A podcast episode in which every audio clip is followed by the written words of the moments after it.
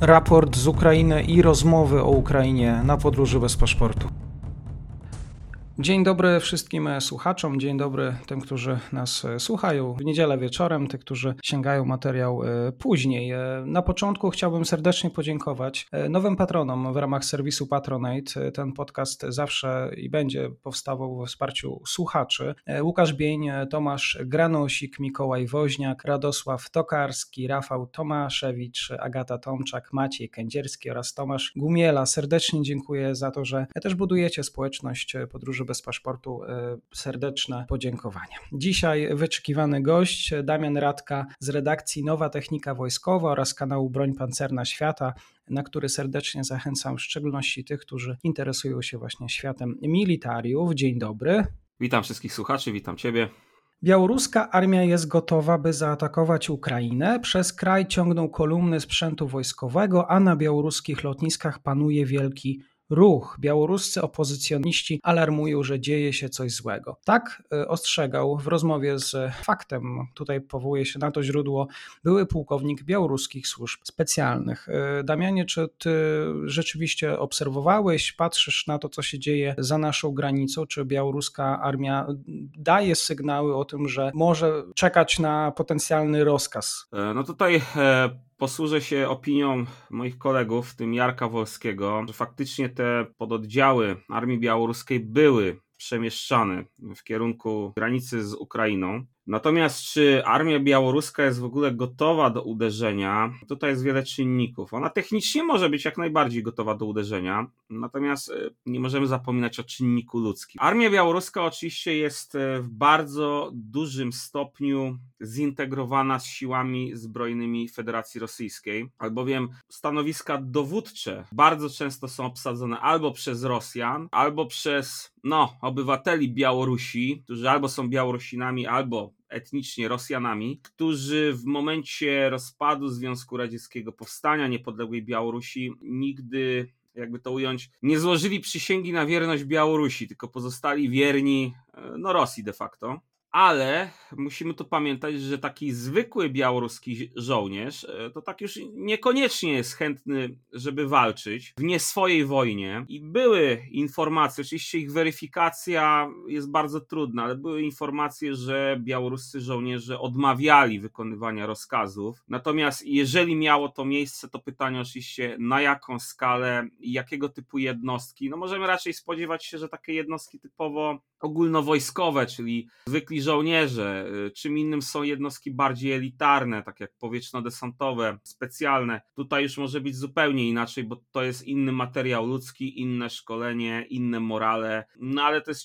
bardzo trudne do zweryfikowania, biorąc pod uwagę te ograniczenia, jakie mamy w pozyskiwaniu informacji z Białorusi. Wspomniałeś o tym, e, że tutaj, znaczy eksperci też wspominają o tym, e, że armia białoruska też jest wkomponowana w ten system rosyjski. Ty się zgadzasz z tym, jak bardzo istnieje ten świat zależności? Bardzo, bardzo wkomponowana, jest bardzo zintegrowana. Y, no tutaj wystarczy wspomnieć o tym, że znakomita większość typów y, uzbrojenia armii białoruskiej. Wiadomo, pochodzi jeszcze z czasów y, radzieckich, natomiast Białorusini bardzo intensywnie zabiegają o to, aby pozyskiwać z Rosji co najmniej zmodernizowane wzory tego typu uzbrojenia to może przejdę później do tego, jakie to są wzory. Tego uzbrojenia jest bardzo dużo, no i tak jak już wspominałem, e, wszelkiego rodzaju dowództwa. E, tutaj na tym poziomie, na poziomie dowodzenia jest największy poziom integracji, no i oczywiście także przynajmniej niektórych dowódców, którzy albo są bezpośrednio Rosjanami, jak już wspominałem, albo niejako Białorusinami, którzy są wierni Federacji Rosyjskiej. Jeżeli właśnie przejdźmy może do takich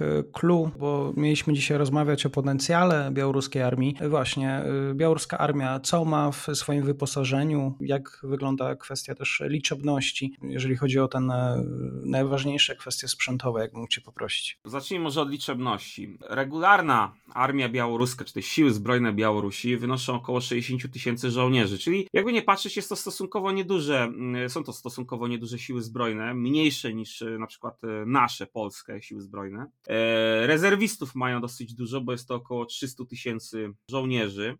Jeżeli chodzi o budżet, no to na rok 2020 to wyceniano go na około 660 milionów euro i to jest w procentach PKB W roku 2018 oceniano, że Białoruś wydaje około 1,2% swojego PKB na siły zbrojne, czyli stosunkowo niedużo, biorąc także pod, pod uwagę walutę i jej siłę nabywczą.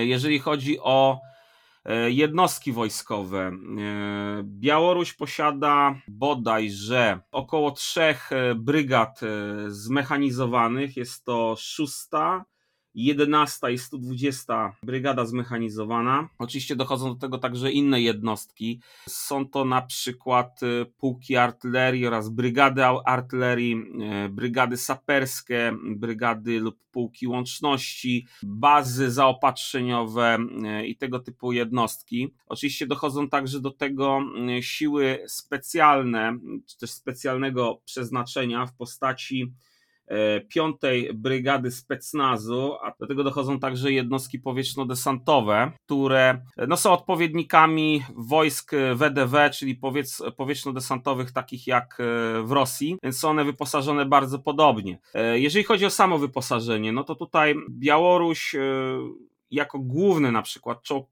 podstawowy głównego typu posiada około 500 egzemplarzy czołgów T-72, E, głównie w wariancie T-72B i B1, e, ale z Rosji otrzymali także około 20-24 e, zmodernizowanych czołgów tego typu do standardu T-72B3 model 2016.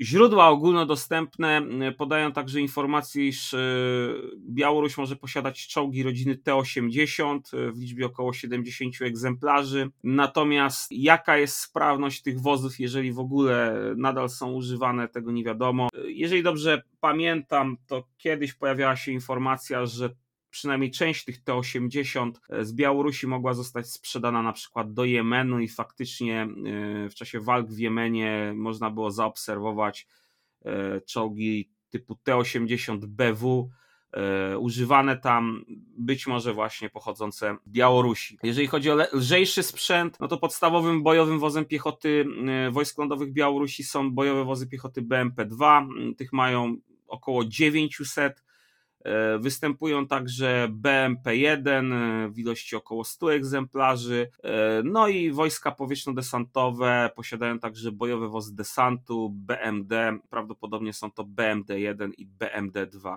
No i jeżeli chodzi o transportery opancerzone, tutaj znowu mamy w dużej mierze sowiecki Demobil E, w postaci transporterów opancerzonych BTR-70, e, BTR-80. Tych drugich jest e, znacznie więcej, bo około 150, BTR-70 około 40. One są oczywiście siłami białoruskiego przemysłu, tam gdzie to możliwe, modernizowane lub jak w wypadku wozów BTR-80 Białoruś stara się pozyskiwać zmodernizowane w Rosji wozy tego typu do standardu E, na przykład BTR 82A. Białorusini do tej pory mieli tych wozów BTR 82A e, otrzymać e, około dwóch batalionów. No i do tego dochodzą także na przykład gąsienicowe mm, ciągniki i transportery opancerzone MTLB. No i to by było na tyle, jeżeli chodzi o taki y, walczący w linii sprzęt pancerny. Nie jest tego jakoś specjalnie dużo, nie jest też mało. Stan techniczny tego sprzętu jest naprawdę różny. Część jest modernizowana, część jest jedynie remontowana, a część prawdopodobnie y, w różnym stanie sprawności jest przechowywana w bazach e, zaopatrzeniowych. Jeżeli chodzi o taki e, aktywny system e, obrony powietrznej, czy, czy Białoruś jest w posiadaniu tego typu wojsk? Tak jak najbardziej. Białoruś posiada siły powietrzne. Te siły powietrzne są dosyć liczne i na przykład takim podstawowym samolotem bojowym, wielozadaniowym są znane także w Polsce MIGI-29. Tych mają około 39, z czego czego 13 zostało zmodernizowanych do standardu MiG-29BM, e, to jest białoruska modernizacja. E, nie jest ona specjalnie głęboka, natomiast są to maszyny modernizowane. Do tego e, Białoruś starała się kupić pewną ilość samolotów myśliwskich Su-30. Wiemy, że na pewno dostarczono 4 egzemplarze. Kolejne 8 miało być zamówionych. Czy zostały dostarczone na chwilę obecną, nie wiemy. Białoruś miała także posiadać dużą ilość samolotów e, szturmowych Su-25, bodajże około 60-70 egzemplarzy. Jaka ilość tych samolotów jest w stanie e, lotnym, tego nie wiemy. E, oczywiście także samoloty transportowe. Tutaj wchodzą samoloty IU-76, to są dwie sztuki, oraz AN-26, również dwie sztuki samoloty szkolne. Tutaj głównie są to czechosłowackie jeszcze samoloty szkolne L-39. Ich było 10 y, sztuk. Z Rosji kupiono także samoloty szkolne i szkolno-bojowe Jak-130. Tych było 12 egzemplarzy bodajże, jeden y, się rozbił, więc zostało 11 egzemplarzy na chwilę obecną. No i także śmigłowce. Y, tutaj głównym takim najbardziej licznym typem śmigłowców są śmigłowce y, Mi-8. W różnych wariantach tych jest około 30-40 egzemplarzy. Do tego dochodzą także e, szturmowe śmigłowce Mi-24, tych jest około 20. Rzadsze maszyny to ciężkie śmigłowce transportowe Mi-26, tych ma być y, bodajże cztery egzemplarze. No i także znane również u nas w Polsce e, śmigłowce Mi-2, tych ma być bodajże 8 sztuk. One są raczej używane do szkolenia.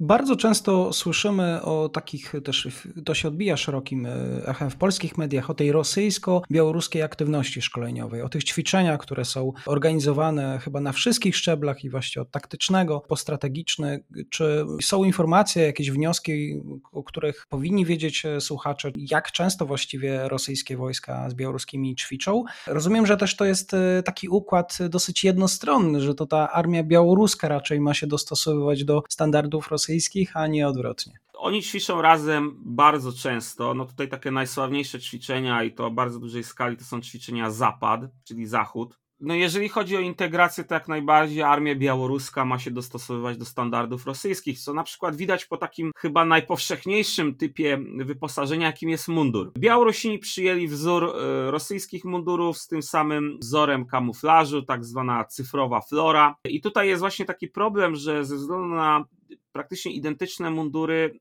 mogą być problemy z identyfikacją żołnierzy białoruskich w stosunku do żołnierzy rosyjskich, bo na przykład mogą zmienić e, oznaczenia, tak? Czyli na przykład flagę, e, którą no, przyczepia się do rzepa na, na ramieniu, można to zmienić z białoruskiej na rosyjską, można zmienić inne oznaczenia. Podobnie jest na przykład ze stopniami wojskowymi, podobnie jest z łącznością. Na pewno Białorusini e, przyjmują standard łączności Sił Zbrojnych Federacji Rosyjskiej. Także mogą być problemy. No, z tego też względu jednoznacznie powiedzieć, czy, rosyjscy, e, przepraszam, czy białoruscy żołnierze walczą na przykład na Ukrainie, nie jesteśmy w stanie. Być może na przykład jakieś oddziały sił specjalnych, sił powietrzno-desantowych, y, rozpoznania mogą brać udział, ale noszą na przykład oznaczenia sił zbrojnych Federacji Rosyjskiej. To jest bardzo trudno ocenić, szczególnie biorąc pod uwagę, y, jak ubogi mamy taki materiał właśnie osintowy, czyli open source intelligence, aby to ocenić to być może ocenić mogą już profesjonalne wywiady państw natowskich na przykład. No i oczywiście wywiad ukraiński. Przejdźmy może dalej jeszcze, jeżeli chodzi o kwestie kadrowe, właśnie rosyjskie. Rozumiem, że ta białoruska y, armia y, i raczej tych, którzy nią zarządzają, szkoli się również e, na, w, w samej Moskwie, tak? Że oczywiście to nie są tylko ćwiczenia, ale na najwyższym szczeblu aktywność szkoleniowa. Na pewno nie można tego wykluczyć. Ja raczej bym stawiał, że na pewno się szkolą. Oczywiście Białoruś posiada własną akademię wojskową, tak? Natomiast no, trzeba brać pod uwagę to, że ten szczebel najwyższego dowództwa szkoli się w Rosji. No tak jak już wspominałem, jest to wszystko bardzo ściśle zintegrowane, no i ta integracja mimo wszystko postępuje. E, tak naprawdę e, no Rosjanie próbują wchłonąć siły zbrojne Białorusi do sił zbrojnych Federacji Rosyjskiej, nawet jeżeli pod publiczkę, nazwijmy to w ten sposób, oficjalnie siły zbrojne Białorusi będą oddzielne, to jednak one będą podlegały bezpośrednio pod, y, pod Rosjan. Jeżeli chodzi o y, potencjał w ludziach, to znaczy, czy istnieje na Białorusi coś takiego jak obrona terytorialna? Jak najbardziej na Białorusi istnieją e, siły terytorialne. Są one zarządzane przez e, Departament czy też Zarząd e, Sił Terytorialnych. one wspierają Ministerstwo Obrony, posiadają około 120 tysięcy żołnierzy. Jeżeli chodzi o kierunek, bo tak, rozmawiamy o Rosji, ale czy jeżeli chodzi o taki zakup sprzętu, to Białorusini tylko i jedynie zaopatrują się właśnie w Moskwie? Pytam też, bo w ostatnim czasie sporo się mówiło o tym, że no, w jakiś sposób Białoruś chce dywersyfikować y, produkcję, troszkę zmniejszyć to uzależnienie. Tak było przynajmniej przed wojną. Dużo się mówiło o tych pociskach rakietowych, Polones, kooperacji białorusko-chińskiej. Y, pewnie teraz ta potencjalna współpraca może wyglądać zupełnie inaczej. I jakbym mógł Cię poprosić właśnie o słowo y, na temat białoruskiego przemysłu zbrojeniowego. Białoruski przemysł zbrojeniowy może nie jest tak rozbudowany jak na przykład rosyjski czy ukraiński, natomiast y, on stara się swoimi siłami osiągnąć to maksimum, na które ich stać. E, tutaj na przykład e, można powiedzieć, że e, to właśnie białoruska firma Peleń opracowała także dla Rosjan czołgowe celowniki wielokanałowe, czyli z kanałem dziennym, jak i termowizyjnym pod oznaczeniem Sosna U te celowniki są zastosowane innymi w czołgach T-72B3, ale to nie wszystko. Przed wojną Białoruś blisko współpracowała z ukraińskim przemysłem zbrojeniowym i w ten sposób powstał e, zestaw czy jest system e, przeciwpancernego pocisku kierowanego szerszeń, a jest to nic innego jak e, produkowany na Białorusi na licencji ukraiński system SKIF. Jeżeli chodzi o inny sprzęt y, pozyskiwany poza Białorusią, poza Rosją, to na przykład y, Białorusini zakupili pewną ilość samochodów 4x4, y, w tym opancerzonych, chińskich Dongfeng EQ2050. Jest to tak naprawdę chińska kopia amerykańskich samochodów rodziny HMM WV. Poza tym oczywiście dochodzą także systemy rakietowe y, Polones. One zostały opracowane we współpracy z Chinami. Jeżeli chodzi o, o nośnik, to jest on oczywiście białoruski, natomiast pociski rakietowe, y, te wszystkie systemy komputerowe, nawigacyjne, y, systemu kierowania ogniem, to prawdopodobnie było opracowane we współpracy z Chinami. E, jeżeli chodzi o inny sprzęt, e, no to tutaj raczej już większych e, osiągnięć nie ma. Białoruś oczywiście także próbuje samodzielnie modernizować część systemów, które posiada. Zakupuje również za granicą przynajmniej część wyposażenia, takich jak na przykład drony. No ale ciężko jest dokładnie powiedzieć, ile tego sprzętu z zagranicy jest sprowadzana. Raczej nadal jest to stosunkowo niewielka ilość. Przejdźmy zatem do może tych najświeższych informacji. Czy w Twojej ocenie właściwie y, armia białoruska jest w stanie stawić jakiekolwiek zagrożenie właśnie w kontekście ukraińskim? Co zmienia, co zmieniłoby potencjalne wejście Białorusi, takie aktywne? Już teraz jest zaangażowana, ale powiedzmy, y, białoruski żołnierz oficjalnie chyba y, granicy nie przekroczył. To na pewno byłyby dodatkowe siły, które mogłyby pokrzyżować plany obronne Ukrainy Ukrainy, tym bardziej, że te siły białoruskie mogłyby wejść na innych odcinkach e, granicy z Ukrainą, na przykład e, z rejonu Brześcia, gdzie zaobserwowano gromadzenie się e, sił białoruskich i być może te siły mogłyby próbować odciąć łańcuchy zaopatrzeniowe idące z, przez Polskę z państw NATO na Ukrainę. I to byłby bardzo duży problem e, dla Ukraińców. Dla nich te łańcuchy są absolutnie e,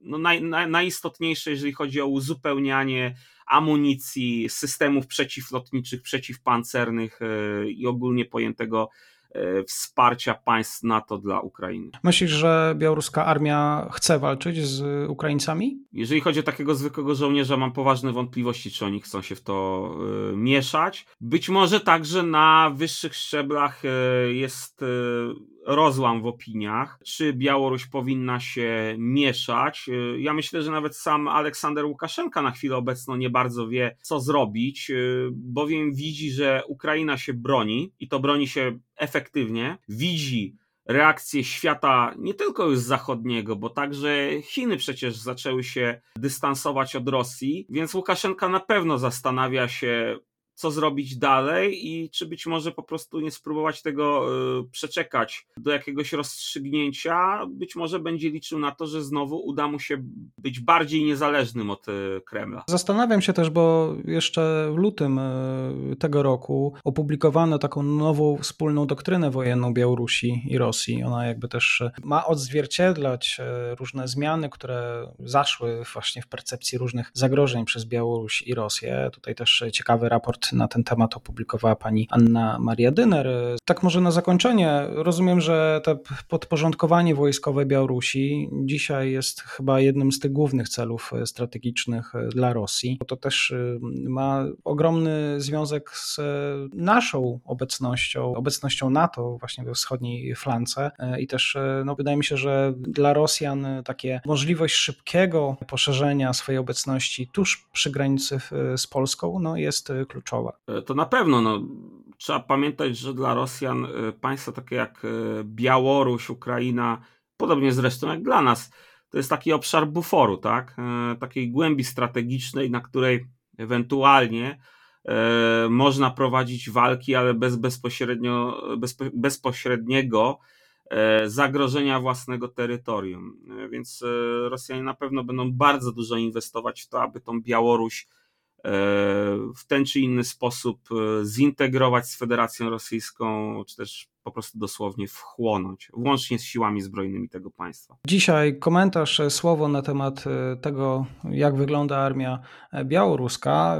Nagranie, moim gościem był Damian Radka, redakcja Nowa Technika Wojskowa, kanał Broń Pancerna Świata. Bardzo dziękuję.